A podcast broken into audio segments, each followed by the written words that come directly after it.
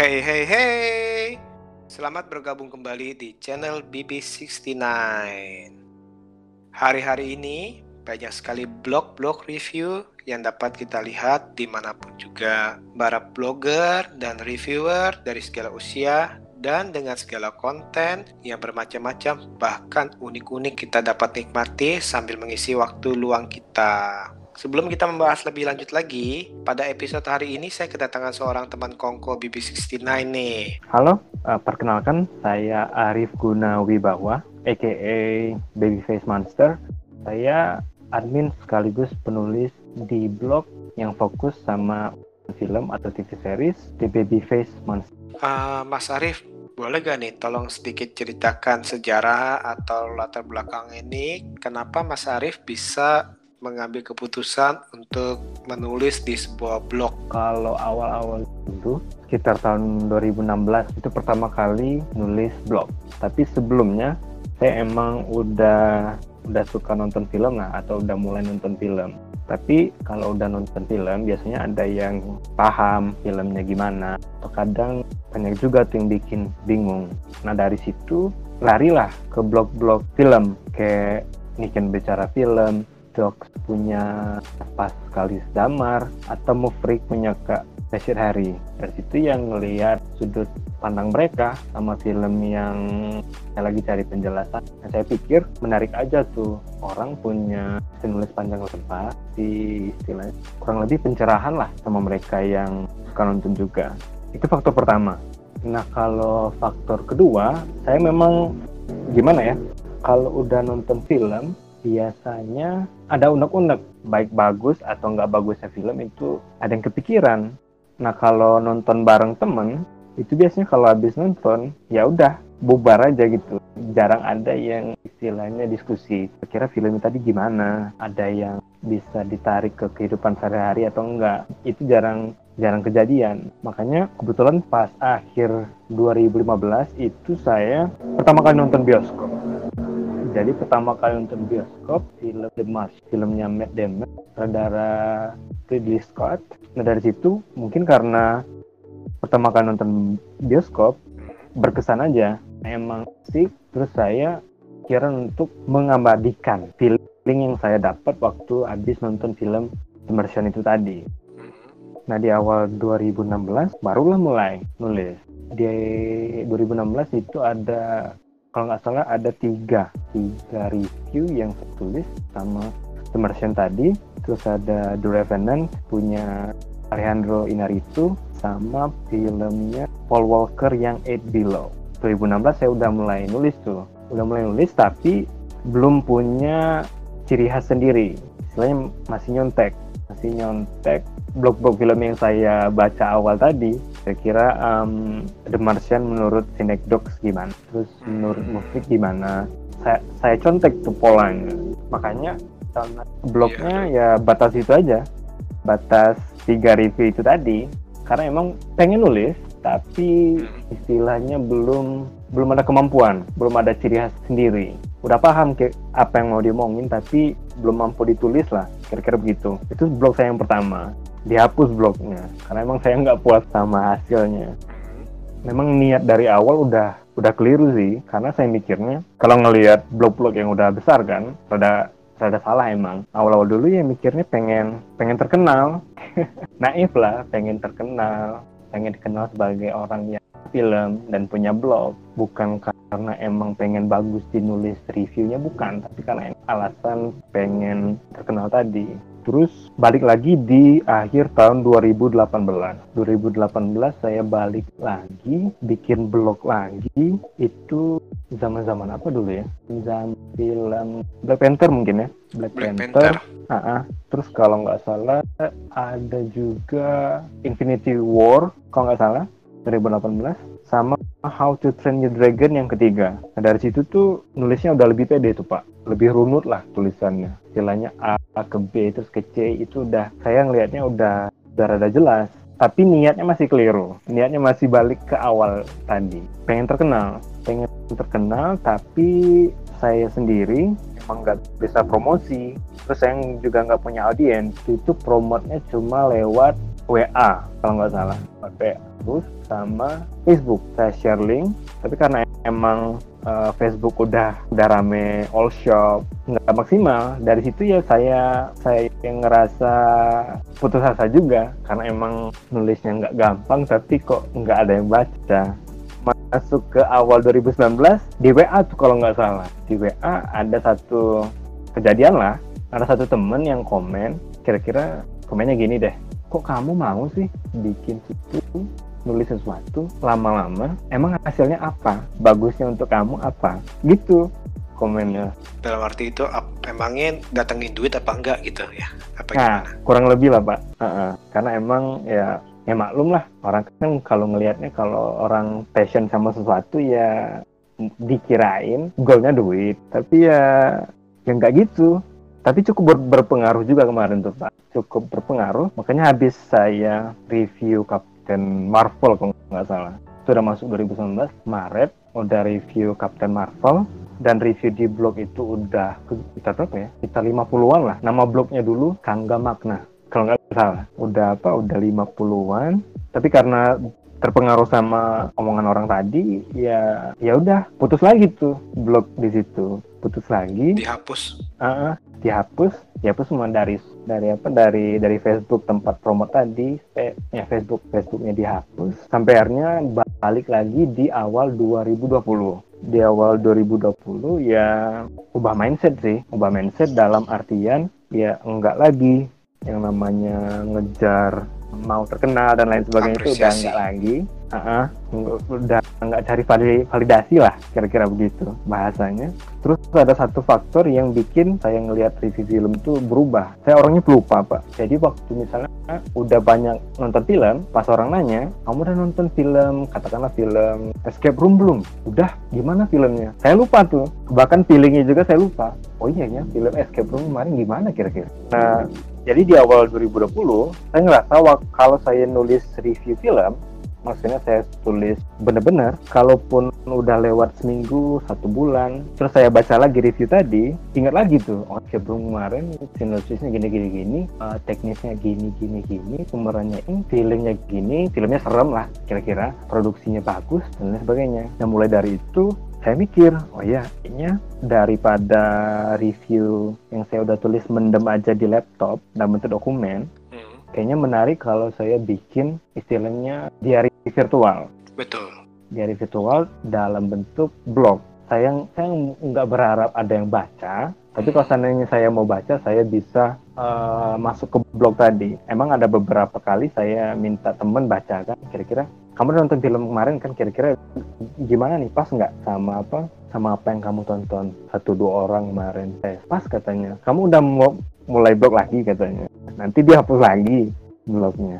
Orang kangen baca tulisan tapi blognya udah hilang enggak sih ini lebih ke lebih ke diary virtual aja. Jadi kalau seandainya ada yang baca ya syukur bonus. Kalau enggak ya ya enggak apa-apa sih. Gitu kurang lebih ceritanya. Makanya sampai ke baby face monster sekarang nah ini menarik nih nanti ada beberapa pertanyaan nih dari saya yang saya ingin tanyakan dari cerita mas nih yang pertama adalah hmm. sebenarnya apa sih bedanya konsep nih? Konsep Mas kan ada hmm. diary virtual sama satu lagi konsep blog ngeblog nih. Saya sebenarnya itu bedanya hmm. apa Mas? Kalau yang masih dari konsep uh, pendewasaan Mas nih sekarang. Kayak saya kayak yang saya bilang tadi, kalau awal-awal ngeblog dulu sebenarnya goalnya cuma satu Pak. Saya pengen dikenal aja gitu. Saya oh okay. pengen dikenal istilahnya kasarnya apa ya istilahnya pengen punya hmm. banyak follower post banyak yang nge-like itu it, itu motivasi awal saya dulu uh, tapi pendewasaannya ya sadar sama kelemahan diri sendiri sih. Saya nggak bisa promosi. Terus kalau saya ngejar follower atau ngejar engagement saya nggak nggak bakal bagus-bagus nulisnya nggak nggak nggak berkembang lah tulisannya. Jadi ya dari engagement tadi dialihkan ke diary virtual tadi. Sebagai pengingat kalau saya pernah nonton film itu. Terus kalau seandainya di share ada yang baca, ya bonus. Karena ada emang bebannya. Ah, nggak ada beban. Karena memang saya habis nulis itu udah seneng banget tuh pak. Karena memang proses nulisnya lumayan makan waktu juga. Sampai 2-3 jam kan. Kadang ada yang seharian. Kalau kalau lagi stuck bisa sampai seharian. Hmm. begitu. Saking seriusnya ya. Nah, ada yang hal yang menarik juga nih, adalah Mas ini sudah menghapus kurang lebih kan dua kali lah kita bilang ya. Ah, terus yang Hmm. baru-baru ini juga kita menghapus lagi ya Mas ya. Nah, sebenarnya ini yang saya ingin tanyakan adalah kenapa dihapus? Dalam arti kan seperti ini, ada beberapa orang yang menghapus blog atau istilahnya postingan yang dahulu karena dia bilang habisnya post gue malu ngeliat postingan gue dulu istilahnya gitu ya. Ada beberapa yang tadi Oh, ini iya. mas nih kalau yang saya yang dengar ini justru saya agak bingung nih mas menghapus karena Hmm. ak- motivasi mas ini ternyata itu merasa dulu itu motivasinya salah ya udah saya hapus deh. Misalkan kalau salah tolong koreksi saya. Ah, oke Padahal kalau saya lihat dari sudut pandang saya nih, apa pun kesalahan Hmm. yang kita buat masa lalu nih, kita anggap tulisan gue Iya. waktu itu kayak amatir banget jelek banget misalnya sampai malu banget istilah Ah. gitu ya, Ah, tata bahasanya ya. hancur. Hmm. Tapi bukankah Hmm. itu malah malah kita akan bisa melihat kematangan kita itu sampai mana nih dari Hmm. dari awal misalnya dari berapa tahun yang lalu Iya. kita menulis sama sekarang ini apakah ada perubahan kematangan atau nggak ada perubahan sama sekali atau malah makin menurun. Betul. nah itu bukannya seperti itu tuh. Nah ah, kenapa nih mas? Kok motivasinya sampai bisa sampai kema- yang awal kan ah, kurang lebih 5 film terus habis itu setelah itu ada 50 filman lah ya. Itu kan reviewnya kan lumayan tuh Hmm. 50 film tuh kita anggap misalnya kan Ah. satu review dua jam kan berapa jam tuh yang dihabiskan total itu udah banyak waktu. Dan betul. Kenapa tuh? Gimana ya pak? Saya dulu mikirnya waktu saya ngapus ya pak ya. Hmm. udah deh pokoknya saya kalau abis ngapus yang ini nggak mau lagi nge- nge-review film. Nggak mau lagi ngomongin film cara Hmm. virtual. Dan anehnya lucu juga sih ironisnya saya tuh nggak bisa nggak bisa lepas dari dari review ini tadi. Pokoknya kalau habis nonton film tuh kayaknya ada keinginan. Ah, ah, kayaknya eh, apa gemes sendiri. Ayo deh tu- di- ditulis ditulis. Kira-kira John Wick yang kedua kemarin kan bagus tuh. Kira-kira menurut menurut kamu gimana? Ngomong sama diri sendiri. Hmm. Ya itu tadi. Makanya abis dihapus, balik lagi abis dihapus, balik lagi. Karena memang saya tuh kayak nggak bisa lari aja dari review. Mungkin niat reviewnya bagus, tapi ada satu sisi yang mengganggu juga kemarin. Kayak ngejar engagement tadi. Padahal kalau seandainya saya fokus aja nge-review, istilahnya ya ada yang baca atau nggak baca ya pokoknya update terus deh. Kira-kiranya begitu. Kayaknya nggak bakal dihapus yang kemarin. Karena emang mikir kan eh, kayaknya nggak ada yang baca nih. Ya udah deh ya dihapus. Pokoknya saya nggak mau balik-balik lagi kalau untuk masalah review. Tapi akhirnya malah balik lagi. Teman-teman mungkin ya saya nggak tahu nih pikiran teman-teman. Hmm. Teman-teman mungkin yang lihat wah kayaknya Ari balik lagi nih nge-review tapi karena udah tiga kali mungkin udah udah malas sendiri kan ah paling nanti dihapus lagi blognya Nah, maksud saya seperti ini loh. Maksud saya buat Ah. apa di buat apa dihapus? Bukankah lebih baik istilahnya kita anggap tanda kutip kita hiatus atau kita anggap antapin aja saya udah.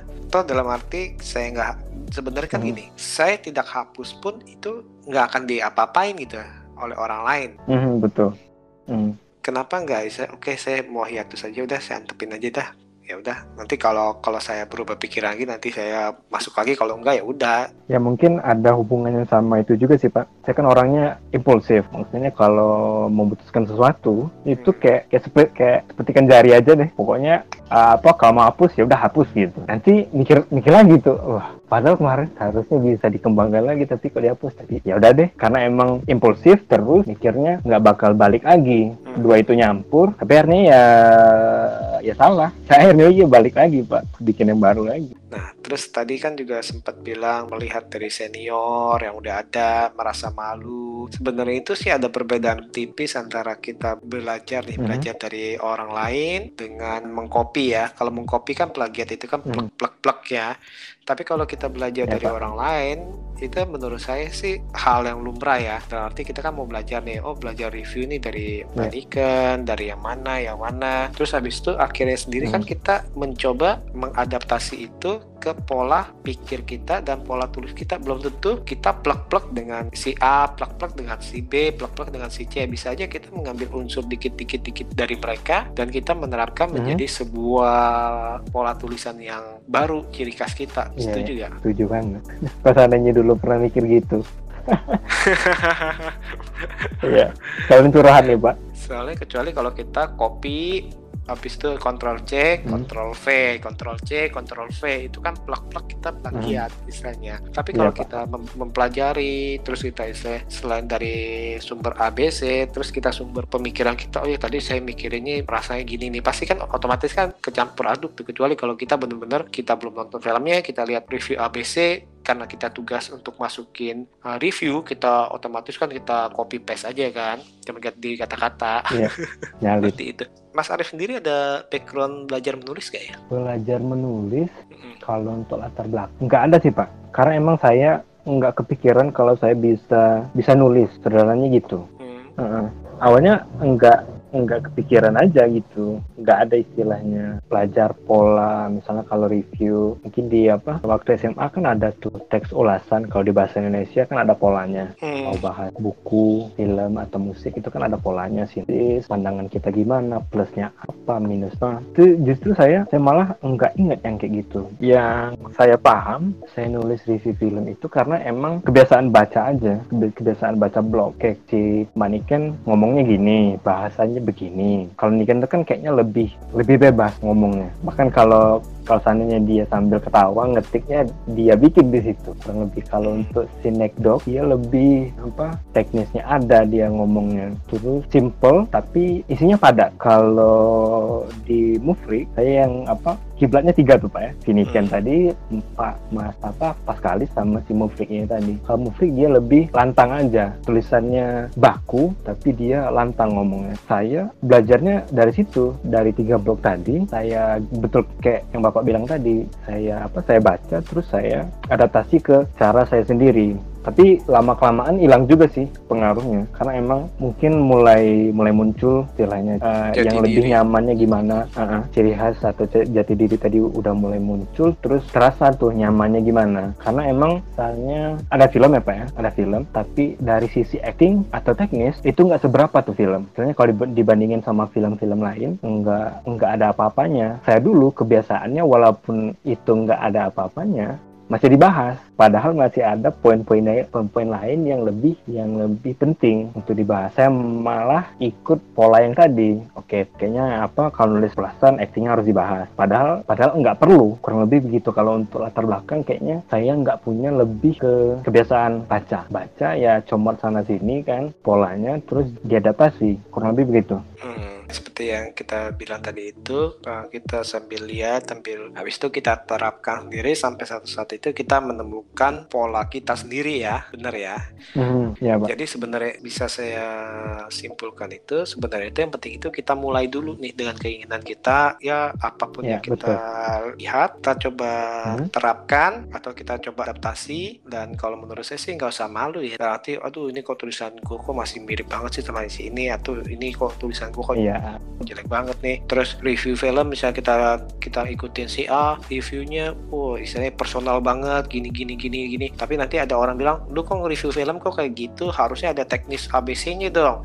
Itu kan jadi kan bingung lagi. Yeah, oh yaudah uh, gue review uh, teknis gini gini gini. Terus ada ada yeah. komen lagi aduh lu jangan terlalu kaku lah. Lu kan itu kan kalau review itu ya apa yang lu lihat apa yang lu rasakan lu tulis. Ngapain lu teknisnya yeah, positif fotografinya uh, gini, gini. Nah akhirnya kan kita uh, bingung juga. Atau beberapa orang itu menemukan ya saya nyamannya itu menulis apa yang yang saya rasakan. Ada orang Mhm. nyamannya itu saya puas bila saya bisa benar-benar sampai segi teknisnya pun nih kekurangannya sinematografinya, angle kameranya gimana. Ini Mhm. kan mereka kan masing-masing kan punya punya ciri khas ya. Kita uh, maksudnya uh, Pak. para reviewer ya, baik itu mau dia Mhm. istilahnya sebagai diary. Kadang-kadang orang zaman sebagai diary juga seperti itu. Oh, dia suka hal-hal yang teknis. Oh, pencahayaannya ini. Oh, ini banyak kan nih uh, Iya, pakai wide angle, pakai apa ya kan ya. Kadang-kadang kan uh, ada beberapa reviewer mempunyai ciri khas masing-masing. Tapi ada beberapa juga bener-bener ringan. Tapi kita enak Mhm. bacanya. Oh, ini perasaan saya nih Iya. seperti ini nih. Yang terlalu berat bagus buat kita karena menambah pengetahuan kita. Yang terlalu ringan Mhm. bagus buat kita karena itu kita banget istilahnya. Apa yang gua rasakan Pak. dirasakan dia diungkapin. Tapi Iya, yang iya. terlalu berat juga bagus buka buat kita membuka wawasan. Oh iya ya, bener juga ya. Ternyata itu kalau gua nggak baca dia, gua nggak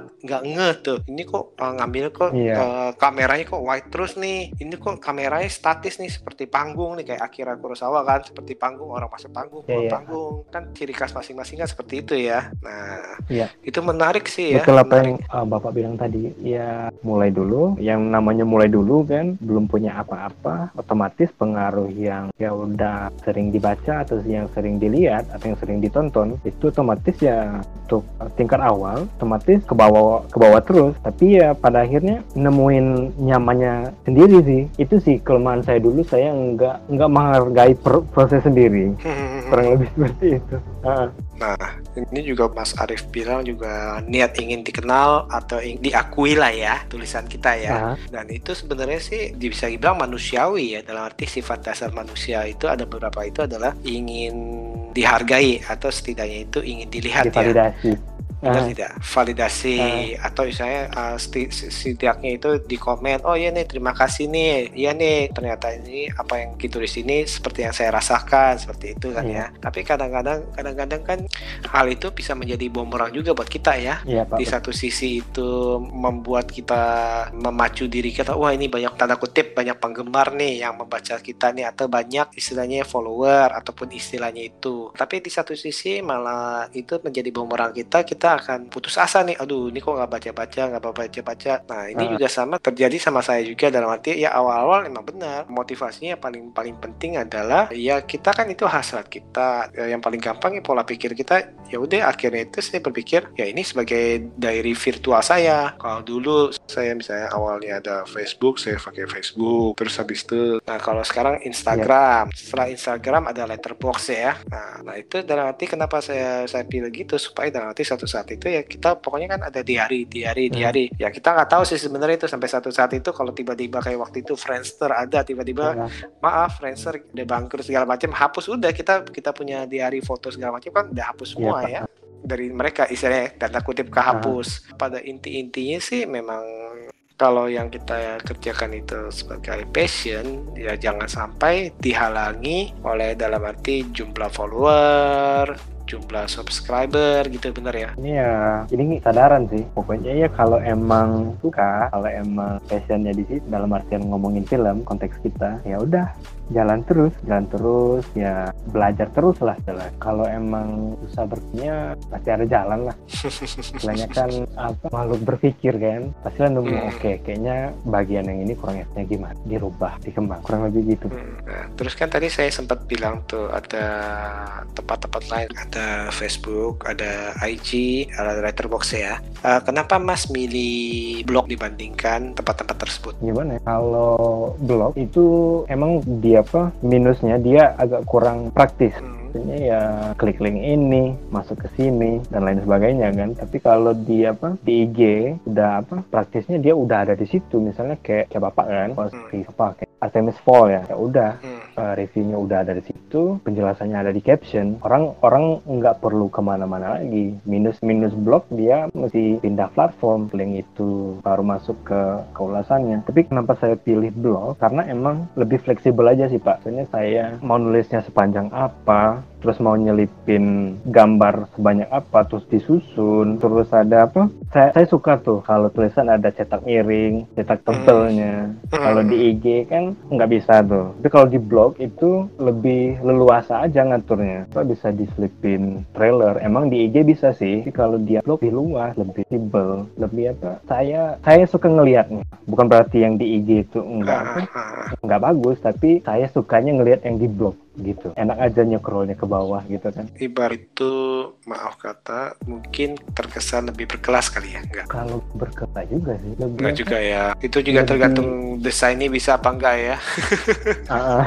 kalau des- desainnya biasa aja kan jadinya biasa aja tuh pak. Nggak ada berkelas tapi Betul, kalau betul. kalau saya sendiri ngelihatnya lebih apa saya yang nulis itu lebih lebih fleksibel aja. Maksudnya ada kalau pengen quote tuh ada tempat khusus terus oh iya betul kalau betul pengen pengen pakai heading atau apa betul atau summary dari review kita bisa taruh di atas judulnya bisa dikasih macam-macam lah kalau di kalau di apa kalau di IG ya kan terbatas terbatas uh, Nah, uh, nama blog terakhir kan The Baby Face Monster. Terus habis itu gambarnya kepala Ah. monster ya. Nah, Hmm. itu uh, atar, Ya. ada latar belakangnya. nah ini menariknya kalau untuk di baby face monster saya saya nggak banyak mikir tuh pak saya kemarin itu kalau nggak salah uh, soalnya kalau yang sebelum-sebelumnya itu kan udah pakai apa istilahnya pakai filosofis latar belakangnya ini Hmm. tapi malah dihapus kan. Tapi kalau untuk the baby face monster saya justru plong aja tuh. Saya denger lagu kemarin kalau nggak salah. Lagu justru eh, judulnya nostalgia. Lagu rap rappernya Pusha T kalau nggak salah. Jadi di situ dia ngomong dia nyebut deh dia nyebut kata baby face monster. Saya dengernya kayaknya keren ya. Dia baby face kalau di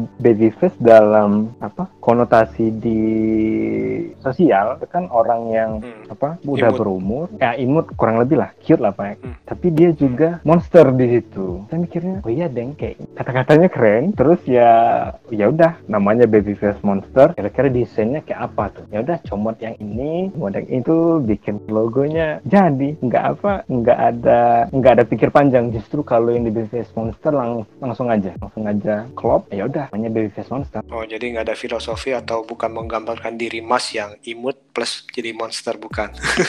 imut tapi berjiwa monster yang maksudnya dalam dalam review Tapi ya- itu gah- gahar. oh Uh, enggak sih. Salah-salah, jelek-jelek, bagus-bagus gitu kan monster.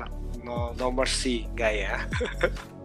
Enggak sih. Justru kalau yang ini yang nggak banyak mikir. Soalnya ya, ya itu tadi nggak ada beban. Ya udah si si rapper nyebut ini, dia yang nyebutnya keren. Ya udah deh, coba pinjem dulu kan. Hmm, sekarang nih, bila ada satu saat nih ada peraturan yang tidak boleh mereview film lagi, kira-kira Hmm. apakah Mas akan berhenti menulis atau ada tema lain yang ingin Mas angkat di blog Mas selain film? Nggak boleh mereview film lagi ya Pak. Seandainya. Hmm, What if? ya betul. Uh, mungkin masih ke film sih, tapi justru saya sekarang mikirnya uh, review film udah udah banyak. Saya pengen pindah ke essay, lebih ke essay. Mungkin ada satu satu elemen dari filmnya. Saya kupas, nggak apa? Mungkin penilaian secara keseluruhan filmnya udah nggak di apa? Udah nggak dibahas lagi. Lebih fokus ke misalnya tema yang diangkat, kira-kira relevansinya ke zaman sekarang gimana. Masih ke film tapi mungkin pindah haluan, geser dikit, geser ke essay, fokus ke satu elemen.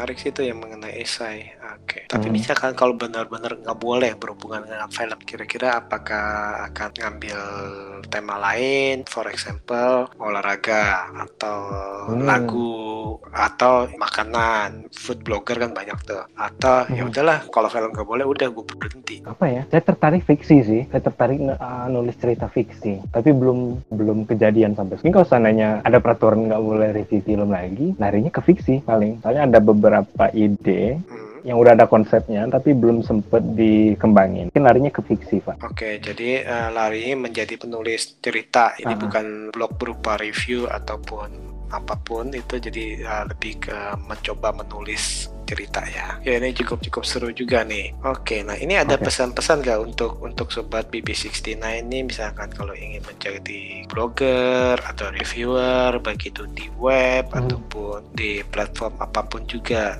Kira-kira ada pesan-pesan atau saran-saran atau kiat-kiat gak? Ya, yang kayak Bapak bilang tadi, pokoknya kalau seandainya mau mulai ngeblog, nulis di mana pun platformnya kan, yang jelas Hmm. ya mulai dulu. Dan juga niat sih kira-kira mau ngapain. Kalau mau nulis ya udah nulis. Istilahnya ya satu satu arah ya, tulis saja saya paling saya percaya agak naif sih. Saya percaya kalau memang seandainya yang kita hasilkan itu bagus mungkin nanti bakal ada sendiri tuh yang yang datang ke apa ke profile kita. Terus gimana ya? Jangan berhenti lah. Soalnya kan banyak silent reader tuh. Hmm, silent reader yang yang nggak kita pikirin. Kalau kita berhenti ini silent reader kira-kira gimana? Mereka kan sukanya baca baca tulisan kita. Kalau sayang aja. Kadang ya sesuatu yang kecil yang kita bikin itu ya berarti untuk orang lain. Walaupun orang itu yang nggak ngomong langsung sama kita. Tapi ya adalah satu dua yang yang apa istilahnya merasa kehilangan kalau seandainya kita nggak nggak lanjut nulis atau apa pun itu. Kurang lebih begitu. Atau kadang-kadang malah ternyata tulisan yang kita anggap tidak sempurna itu menjadi pelajaran bagi buat orang lain atau menjadi motivasi buat orang lain padahal padahal kita nggak puas Uh-uh. nih tapi ternyata itu bagi mereka itu wah ini bu saya mau nih seperti Mas Arif nih mungkin aja kan ya Ya, justru saya baru kepikiran sekarang yang kayak gitu pak. Saya ada baca, tuh? bukan baca sih, saya ada ngelihat meme yang kurang lebih isinya begitu. Apa ya? Meme-nya apa kemarin? Kalau nggak salah paus, paus yang nyemburin air ke apa? Ke udara. Hmm. Terus pas airnya turun dia jadi pelangi. Hmm, Terus ada apa? Ada kayak kayak gelembung dialog Inggris sih. Kira-kira kalau di bahasa Indonesia kira-kira begini. Apakah aku benar-benar berarti? Dia bilang gitu. Terus ada satu apa? Satu slide gambar lagi. Ada kura-kura yang lagi diem di batu, ngelihat dari jauh ada pelangi. Itu saya mikir, oh iya, yang enggak apa? Yang enggak kita sangka Justru ah, suatu yang berarti itu ya datang dari yang nggak disangka-sangka. Kita melakukan sesuatu di sini, ada aja tuh yang berartiin dari jauh. Dia nggak ngomong, tapi dia ngelihat dan dia ya apa yang kita lakuin sih ya berarti buat dia. Lebih begitu pak. menarik menarik jadi yang penting nih siapa pun kita apa pun misalkan kalau kita ingin memulai baik itu dalam hal ini kan kita mencoba menulis nih karena menulis itu ternyata itu bukan hal yang mudah kita dalam pikirannya banyak nih kata-kata yang bercampur aduk nih ini Hmm. kalau dari pengalaman pribadi ini saya banyak tuh kata-kata yang ingin diungkapkan nih saya pribadi pun masih mencoba belajar menulis dan Mhm. memang sangat sulit benar-benar sulit sulit menulis itu bukan mudah bagi beberapa Hmm. orang yang yang mempunyai kita bilang talenta untuk menulis bagi dia mungkin cepat tuh di belajar tuh ya Hmm. Gampang tapi ya ada pak. gampang tapi ada beberapa orang itu seperti saya itu hal yang sangat sulit kadang-kadang itu ya apa yang ada di pikiran saya bisa saya ucapkan dengan Mhm. dengan lancar tapi kalau ditulis kok berbeda gitu feelnya Kok kok nggak pas gitu ya? Kok nggak klop Ah, sama yang atas? Kok nggak nyambung? mulut sama tangan kok bisa berbeda istilahnya kok jadi istilahnya itu kan itu memang ternyata itu seni menulis itu bukan hal yang seperti membalikan tangan untuk rata-rata orang ya Ya. dan memang benar dan kalau dari pengalaman saya sih yang kalau saya boleh berbagi memang kalau saya lihat itu tulisan dari yang masa lalu sampai sekarang ini kalau kita kalau saya pribadi lihat itu ya ada ada setidaknya itu ada sedikit perubahan dan sedikit tanda kutip kematangan dan hal itu nggak terlepas dari kita mau tanda kutip mempelajari baik itu secara teori Hmm. maupun kita mempelajari langsung nih Nah, dari oh dari teman-teman kita yang menulis diari-diari film ya istilahnya ya atau review-review lain atau misalkan kalau ada orang yang suka menulis cerita pendek kita bisa melihat atau membaca bukunya dan dari situ kan kita kan belajar dikit demi dikit terus baru kita terapkan ah, dengan pola dan ciri khas kita sendiri bukan begitu Pak? Iya, proses ya pak ya. Betul. Nah ini juga menarik nih. Hari ini kita ngomong-ngomong sama Mas Arif Oke. nih. Nah, oh ya Mas Arif, kalau mau lihat review-review film Baby Face Monster. The babyfacemonster.wordpress.com ya. Ya. Ditunggu lagi nih untuk apa? Untuk update terbarunya. Iya. Ini udah ada beberapa yang nunggu di laptop tapi belum di belum di update. Belum diupdate ya. Nantilah awal-awal Juli. Awal-awal Juli ya. Hmm. Oke, terima kasih banget loh Mas Arif lo untuk uh, menjadi tamu kita kali ini. Oh ya Mas Arif, misalkan kalau ingin membaca Ya. review uh, film dari Mas Arif tadi ke mana? ke thebabyfacemonster.wordpress.com ada isinya sekitar sekitar 14 deh sekarang belum banyak ini nanti berusaha untuk ditambah lah pokoknya pelan-pelan pelan-pelan.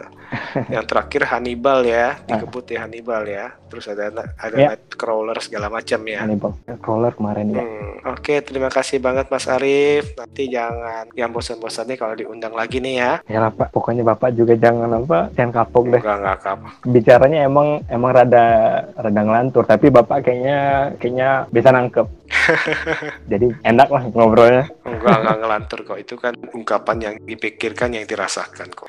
Oke, oke. Ya. Terima kasih banyak nih. Dan uh, untuk Sobat BB69, nantikan episode uh, selanjutnya yang pastinya dengan tema yang berbeda. Oke,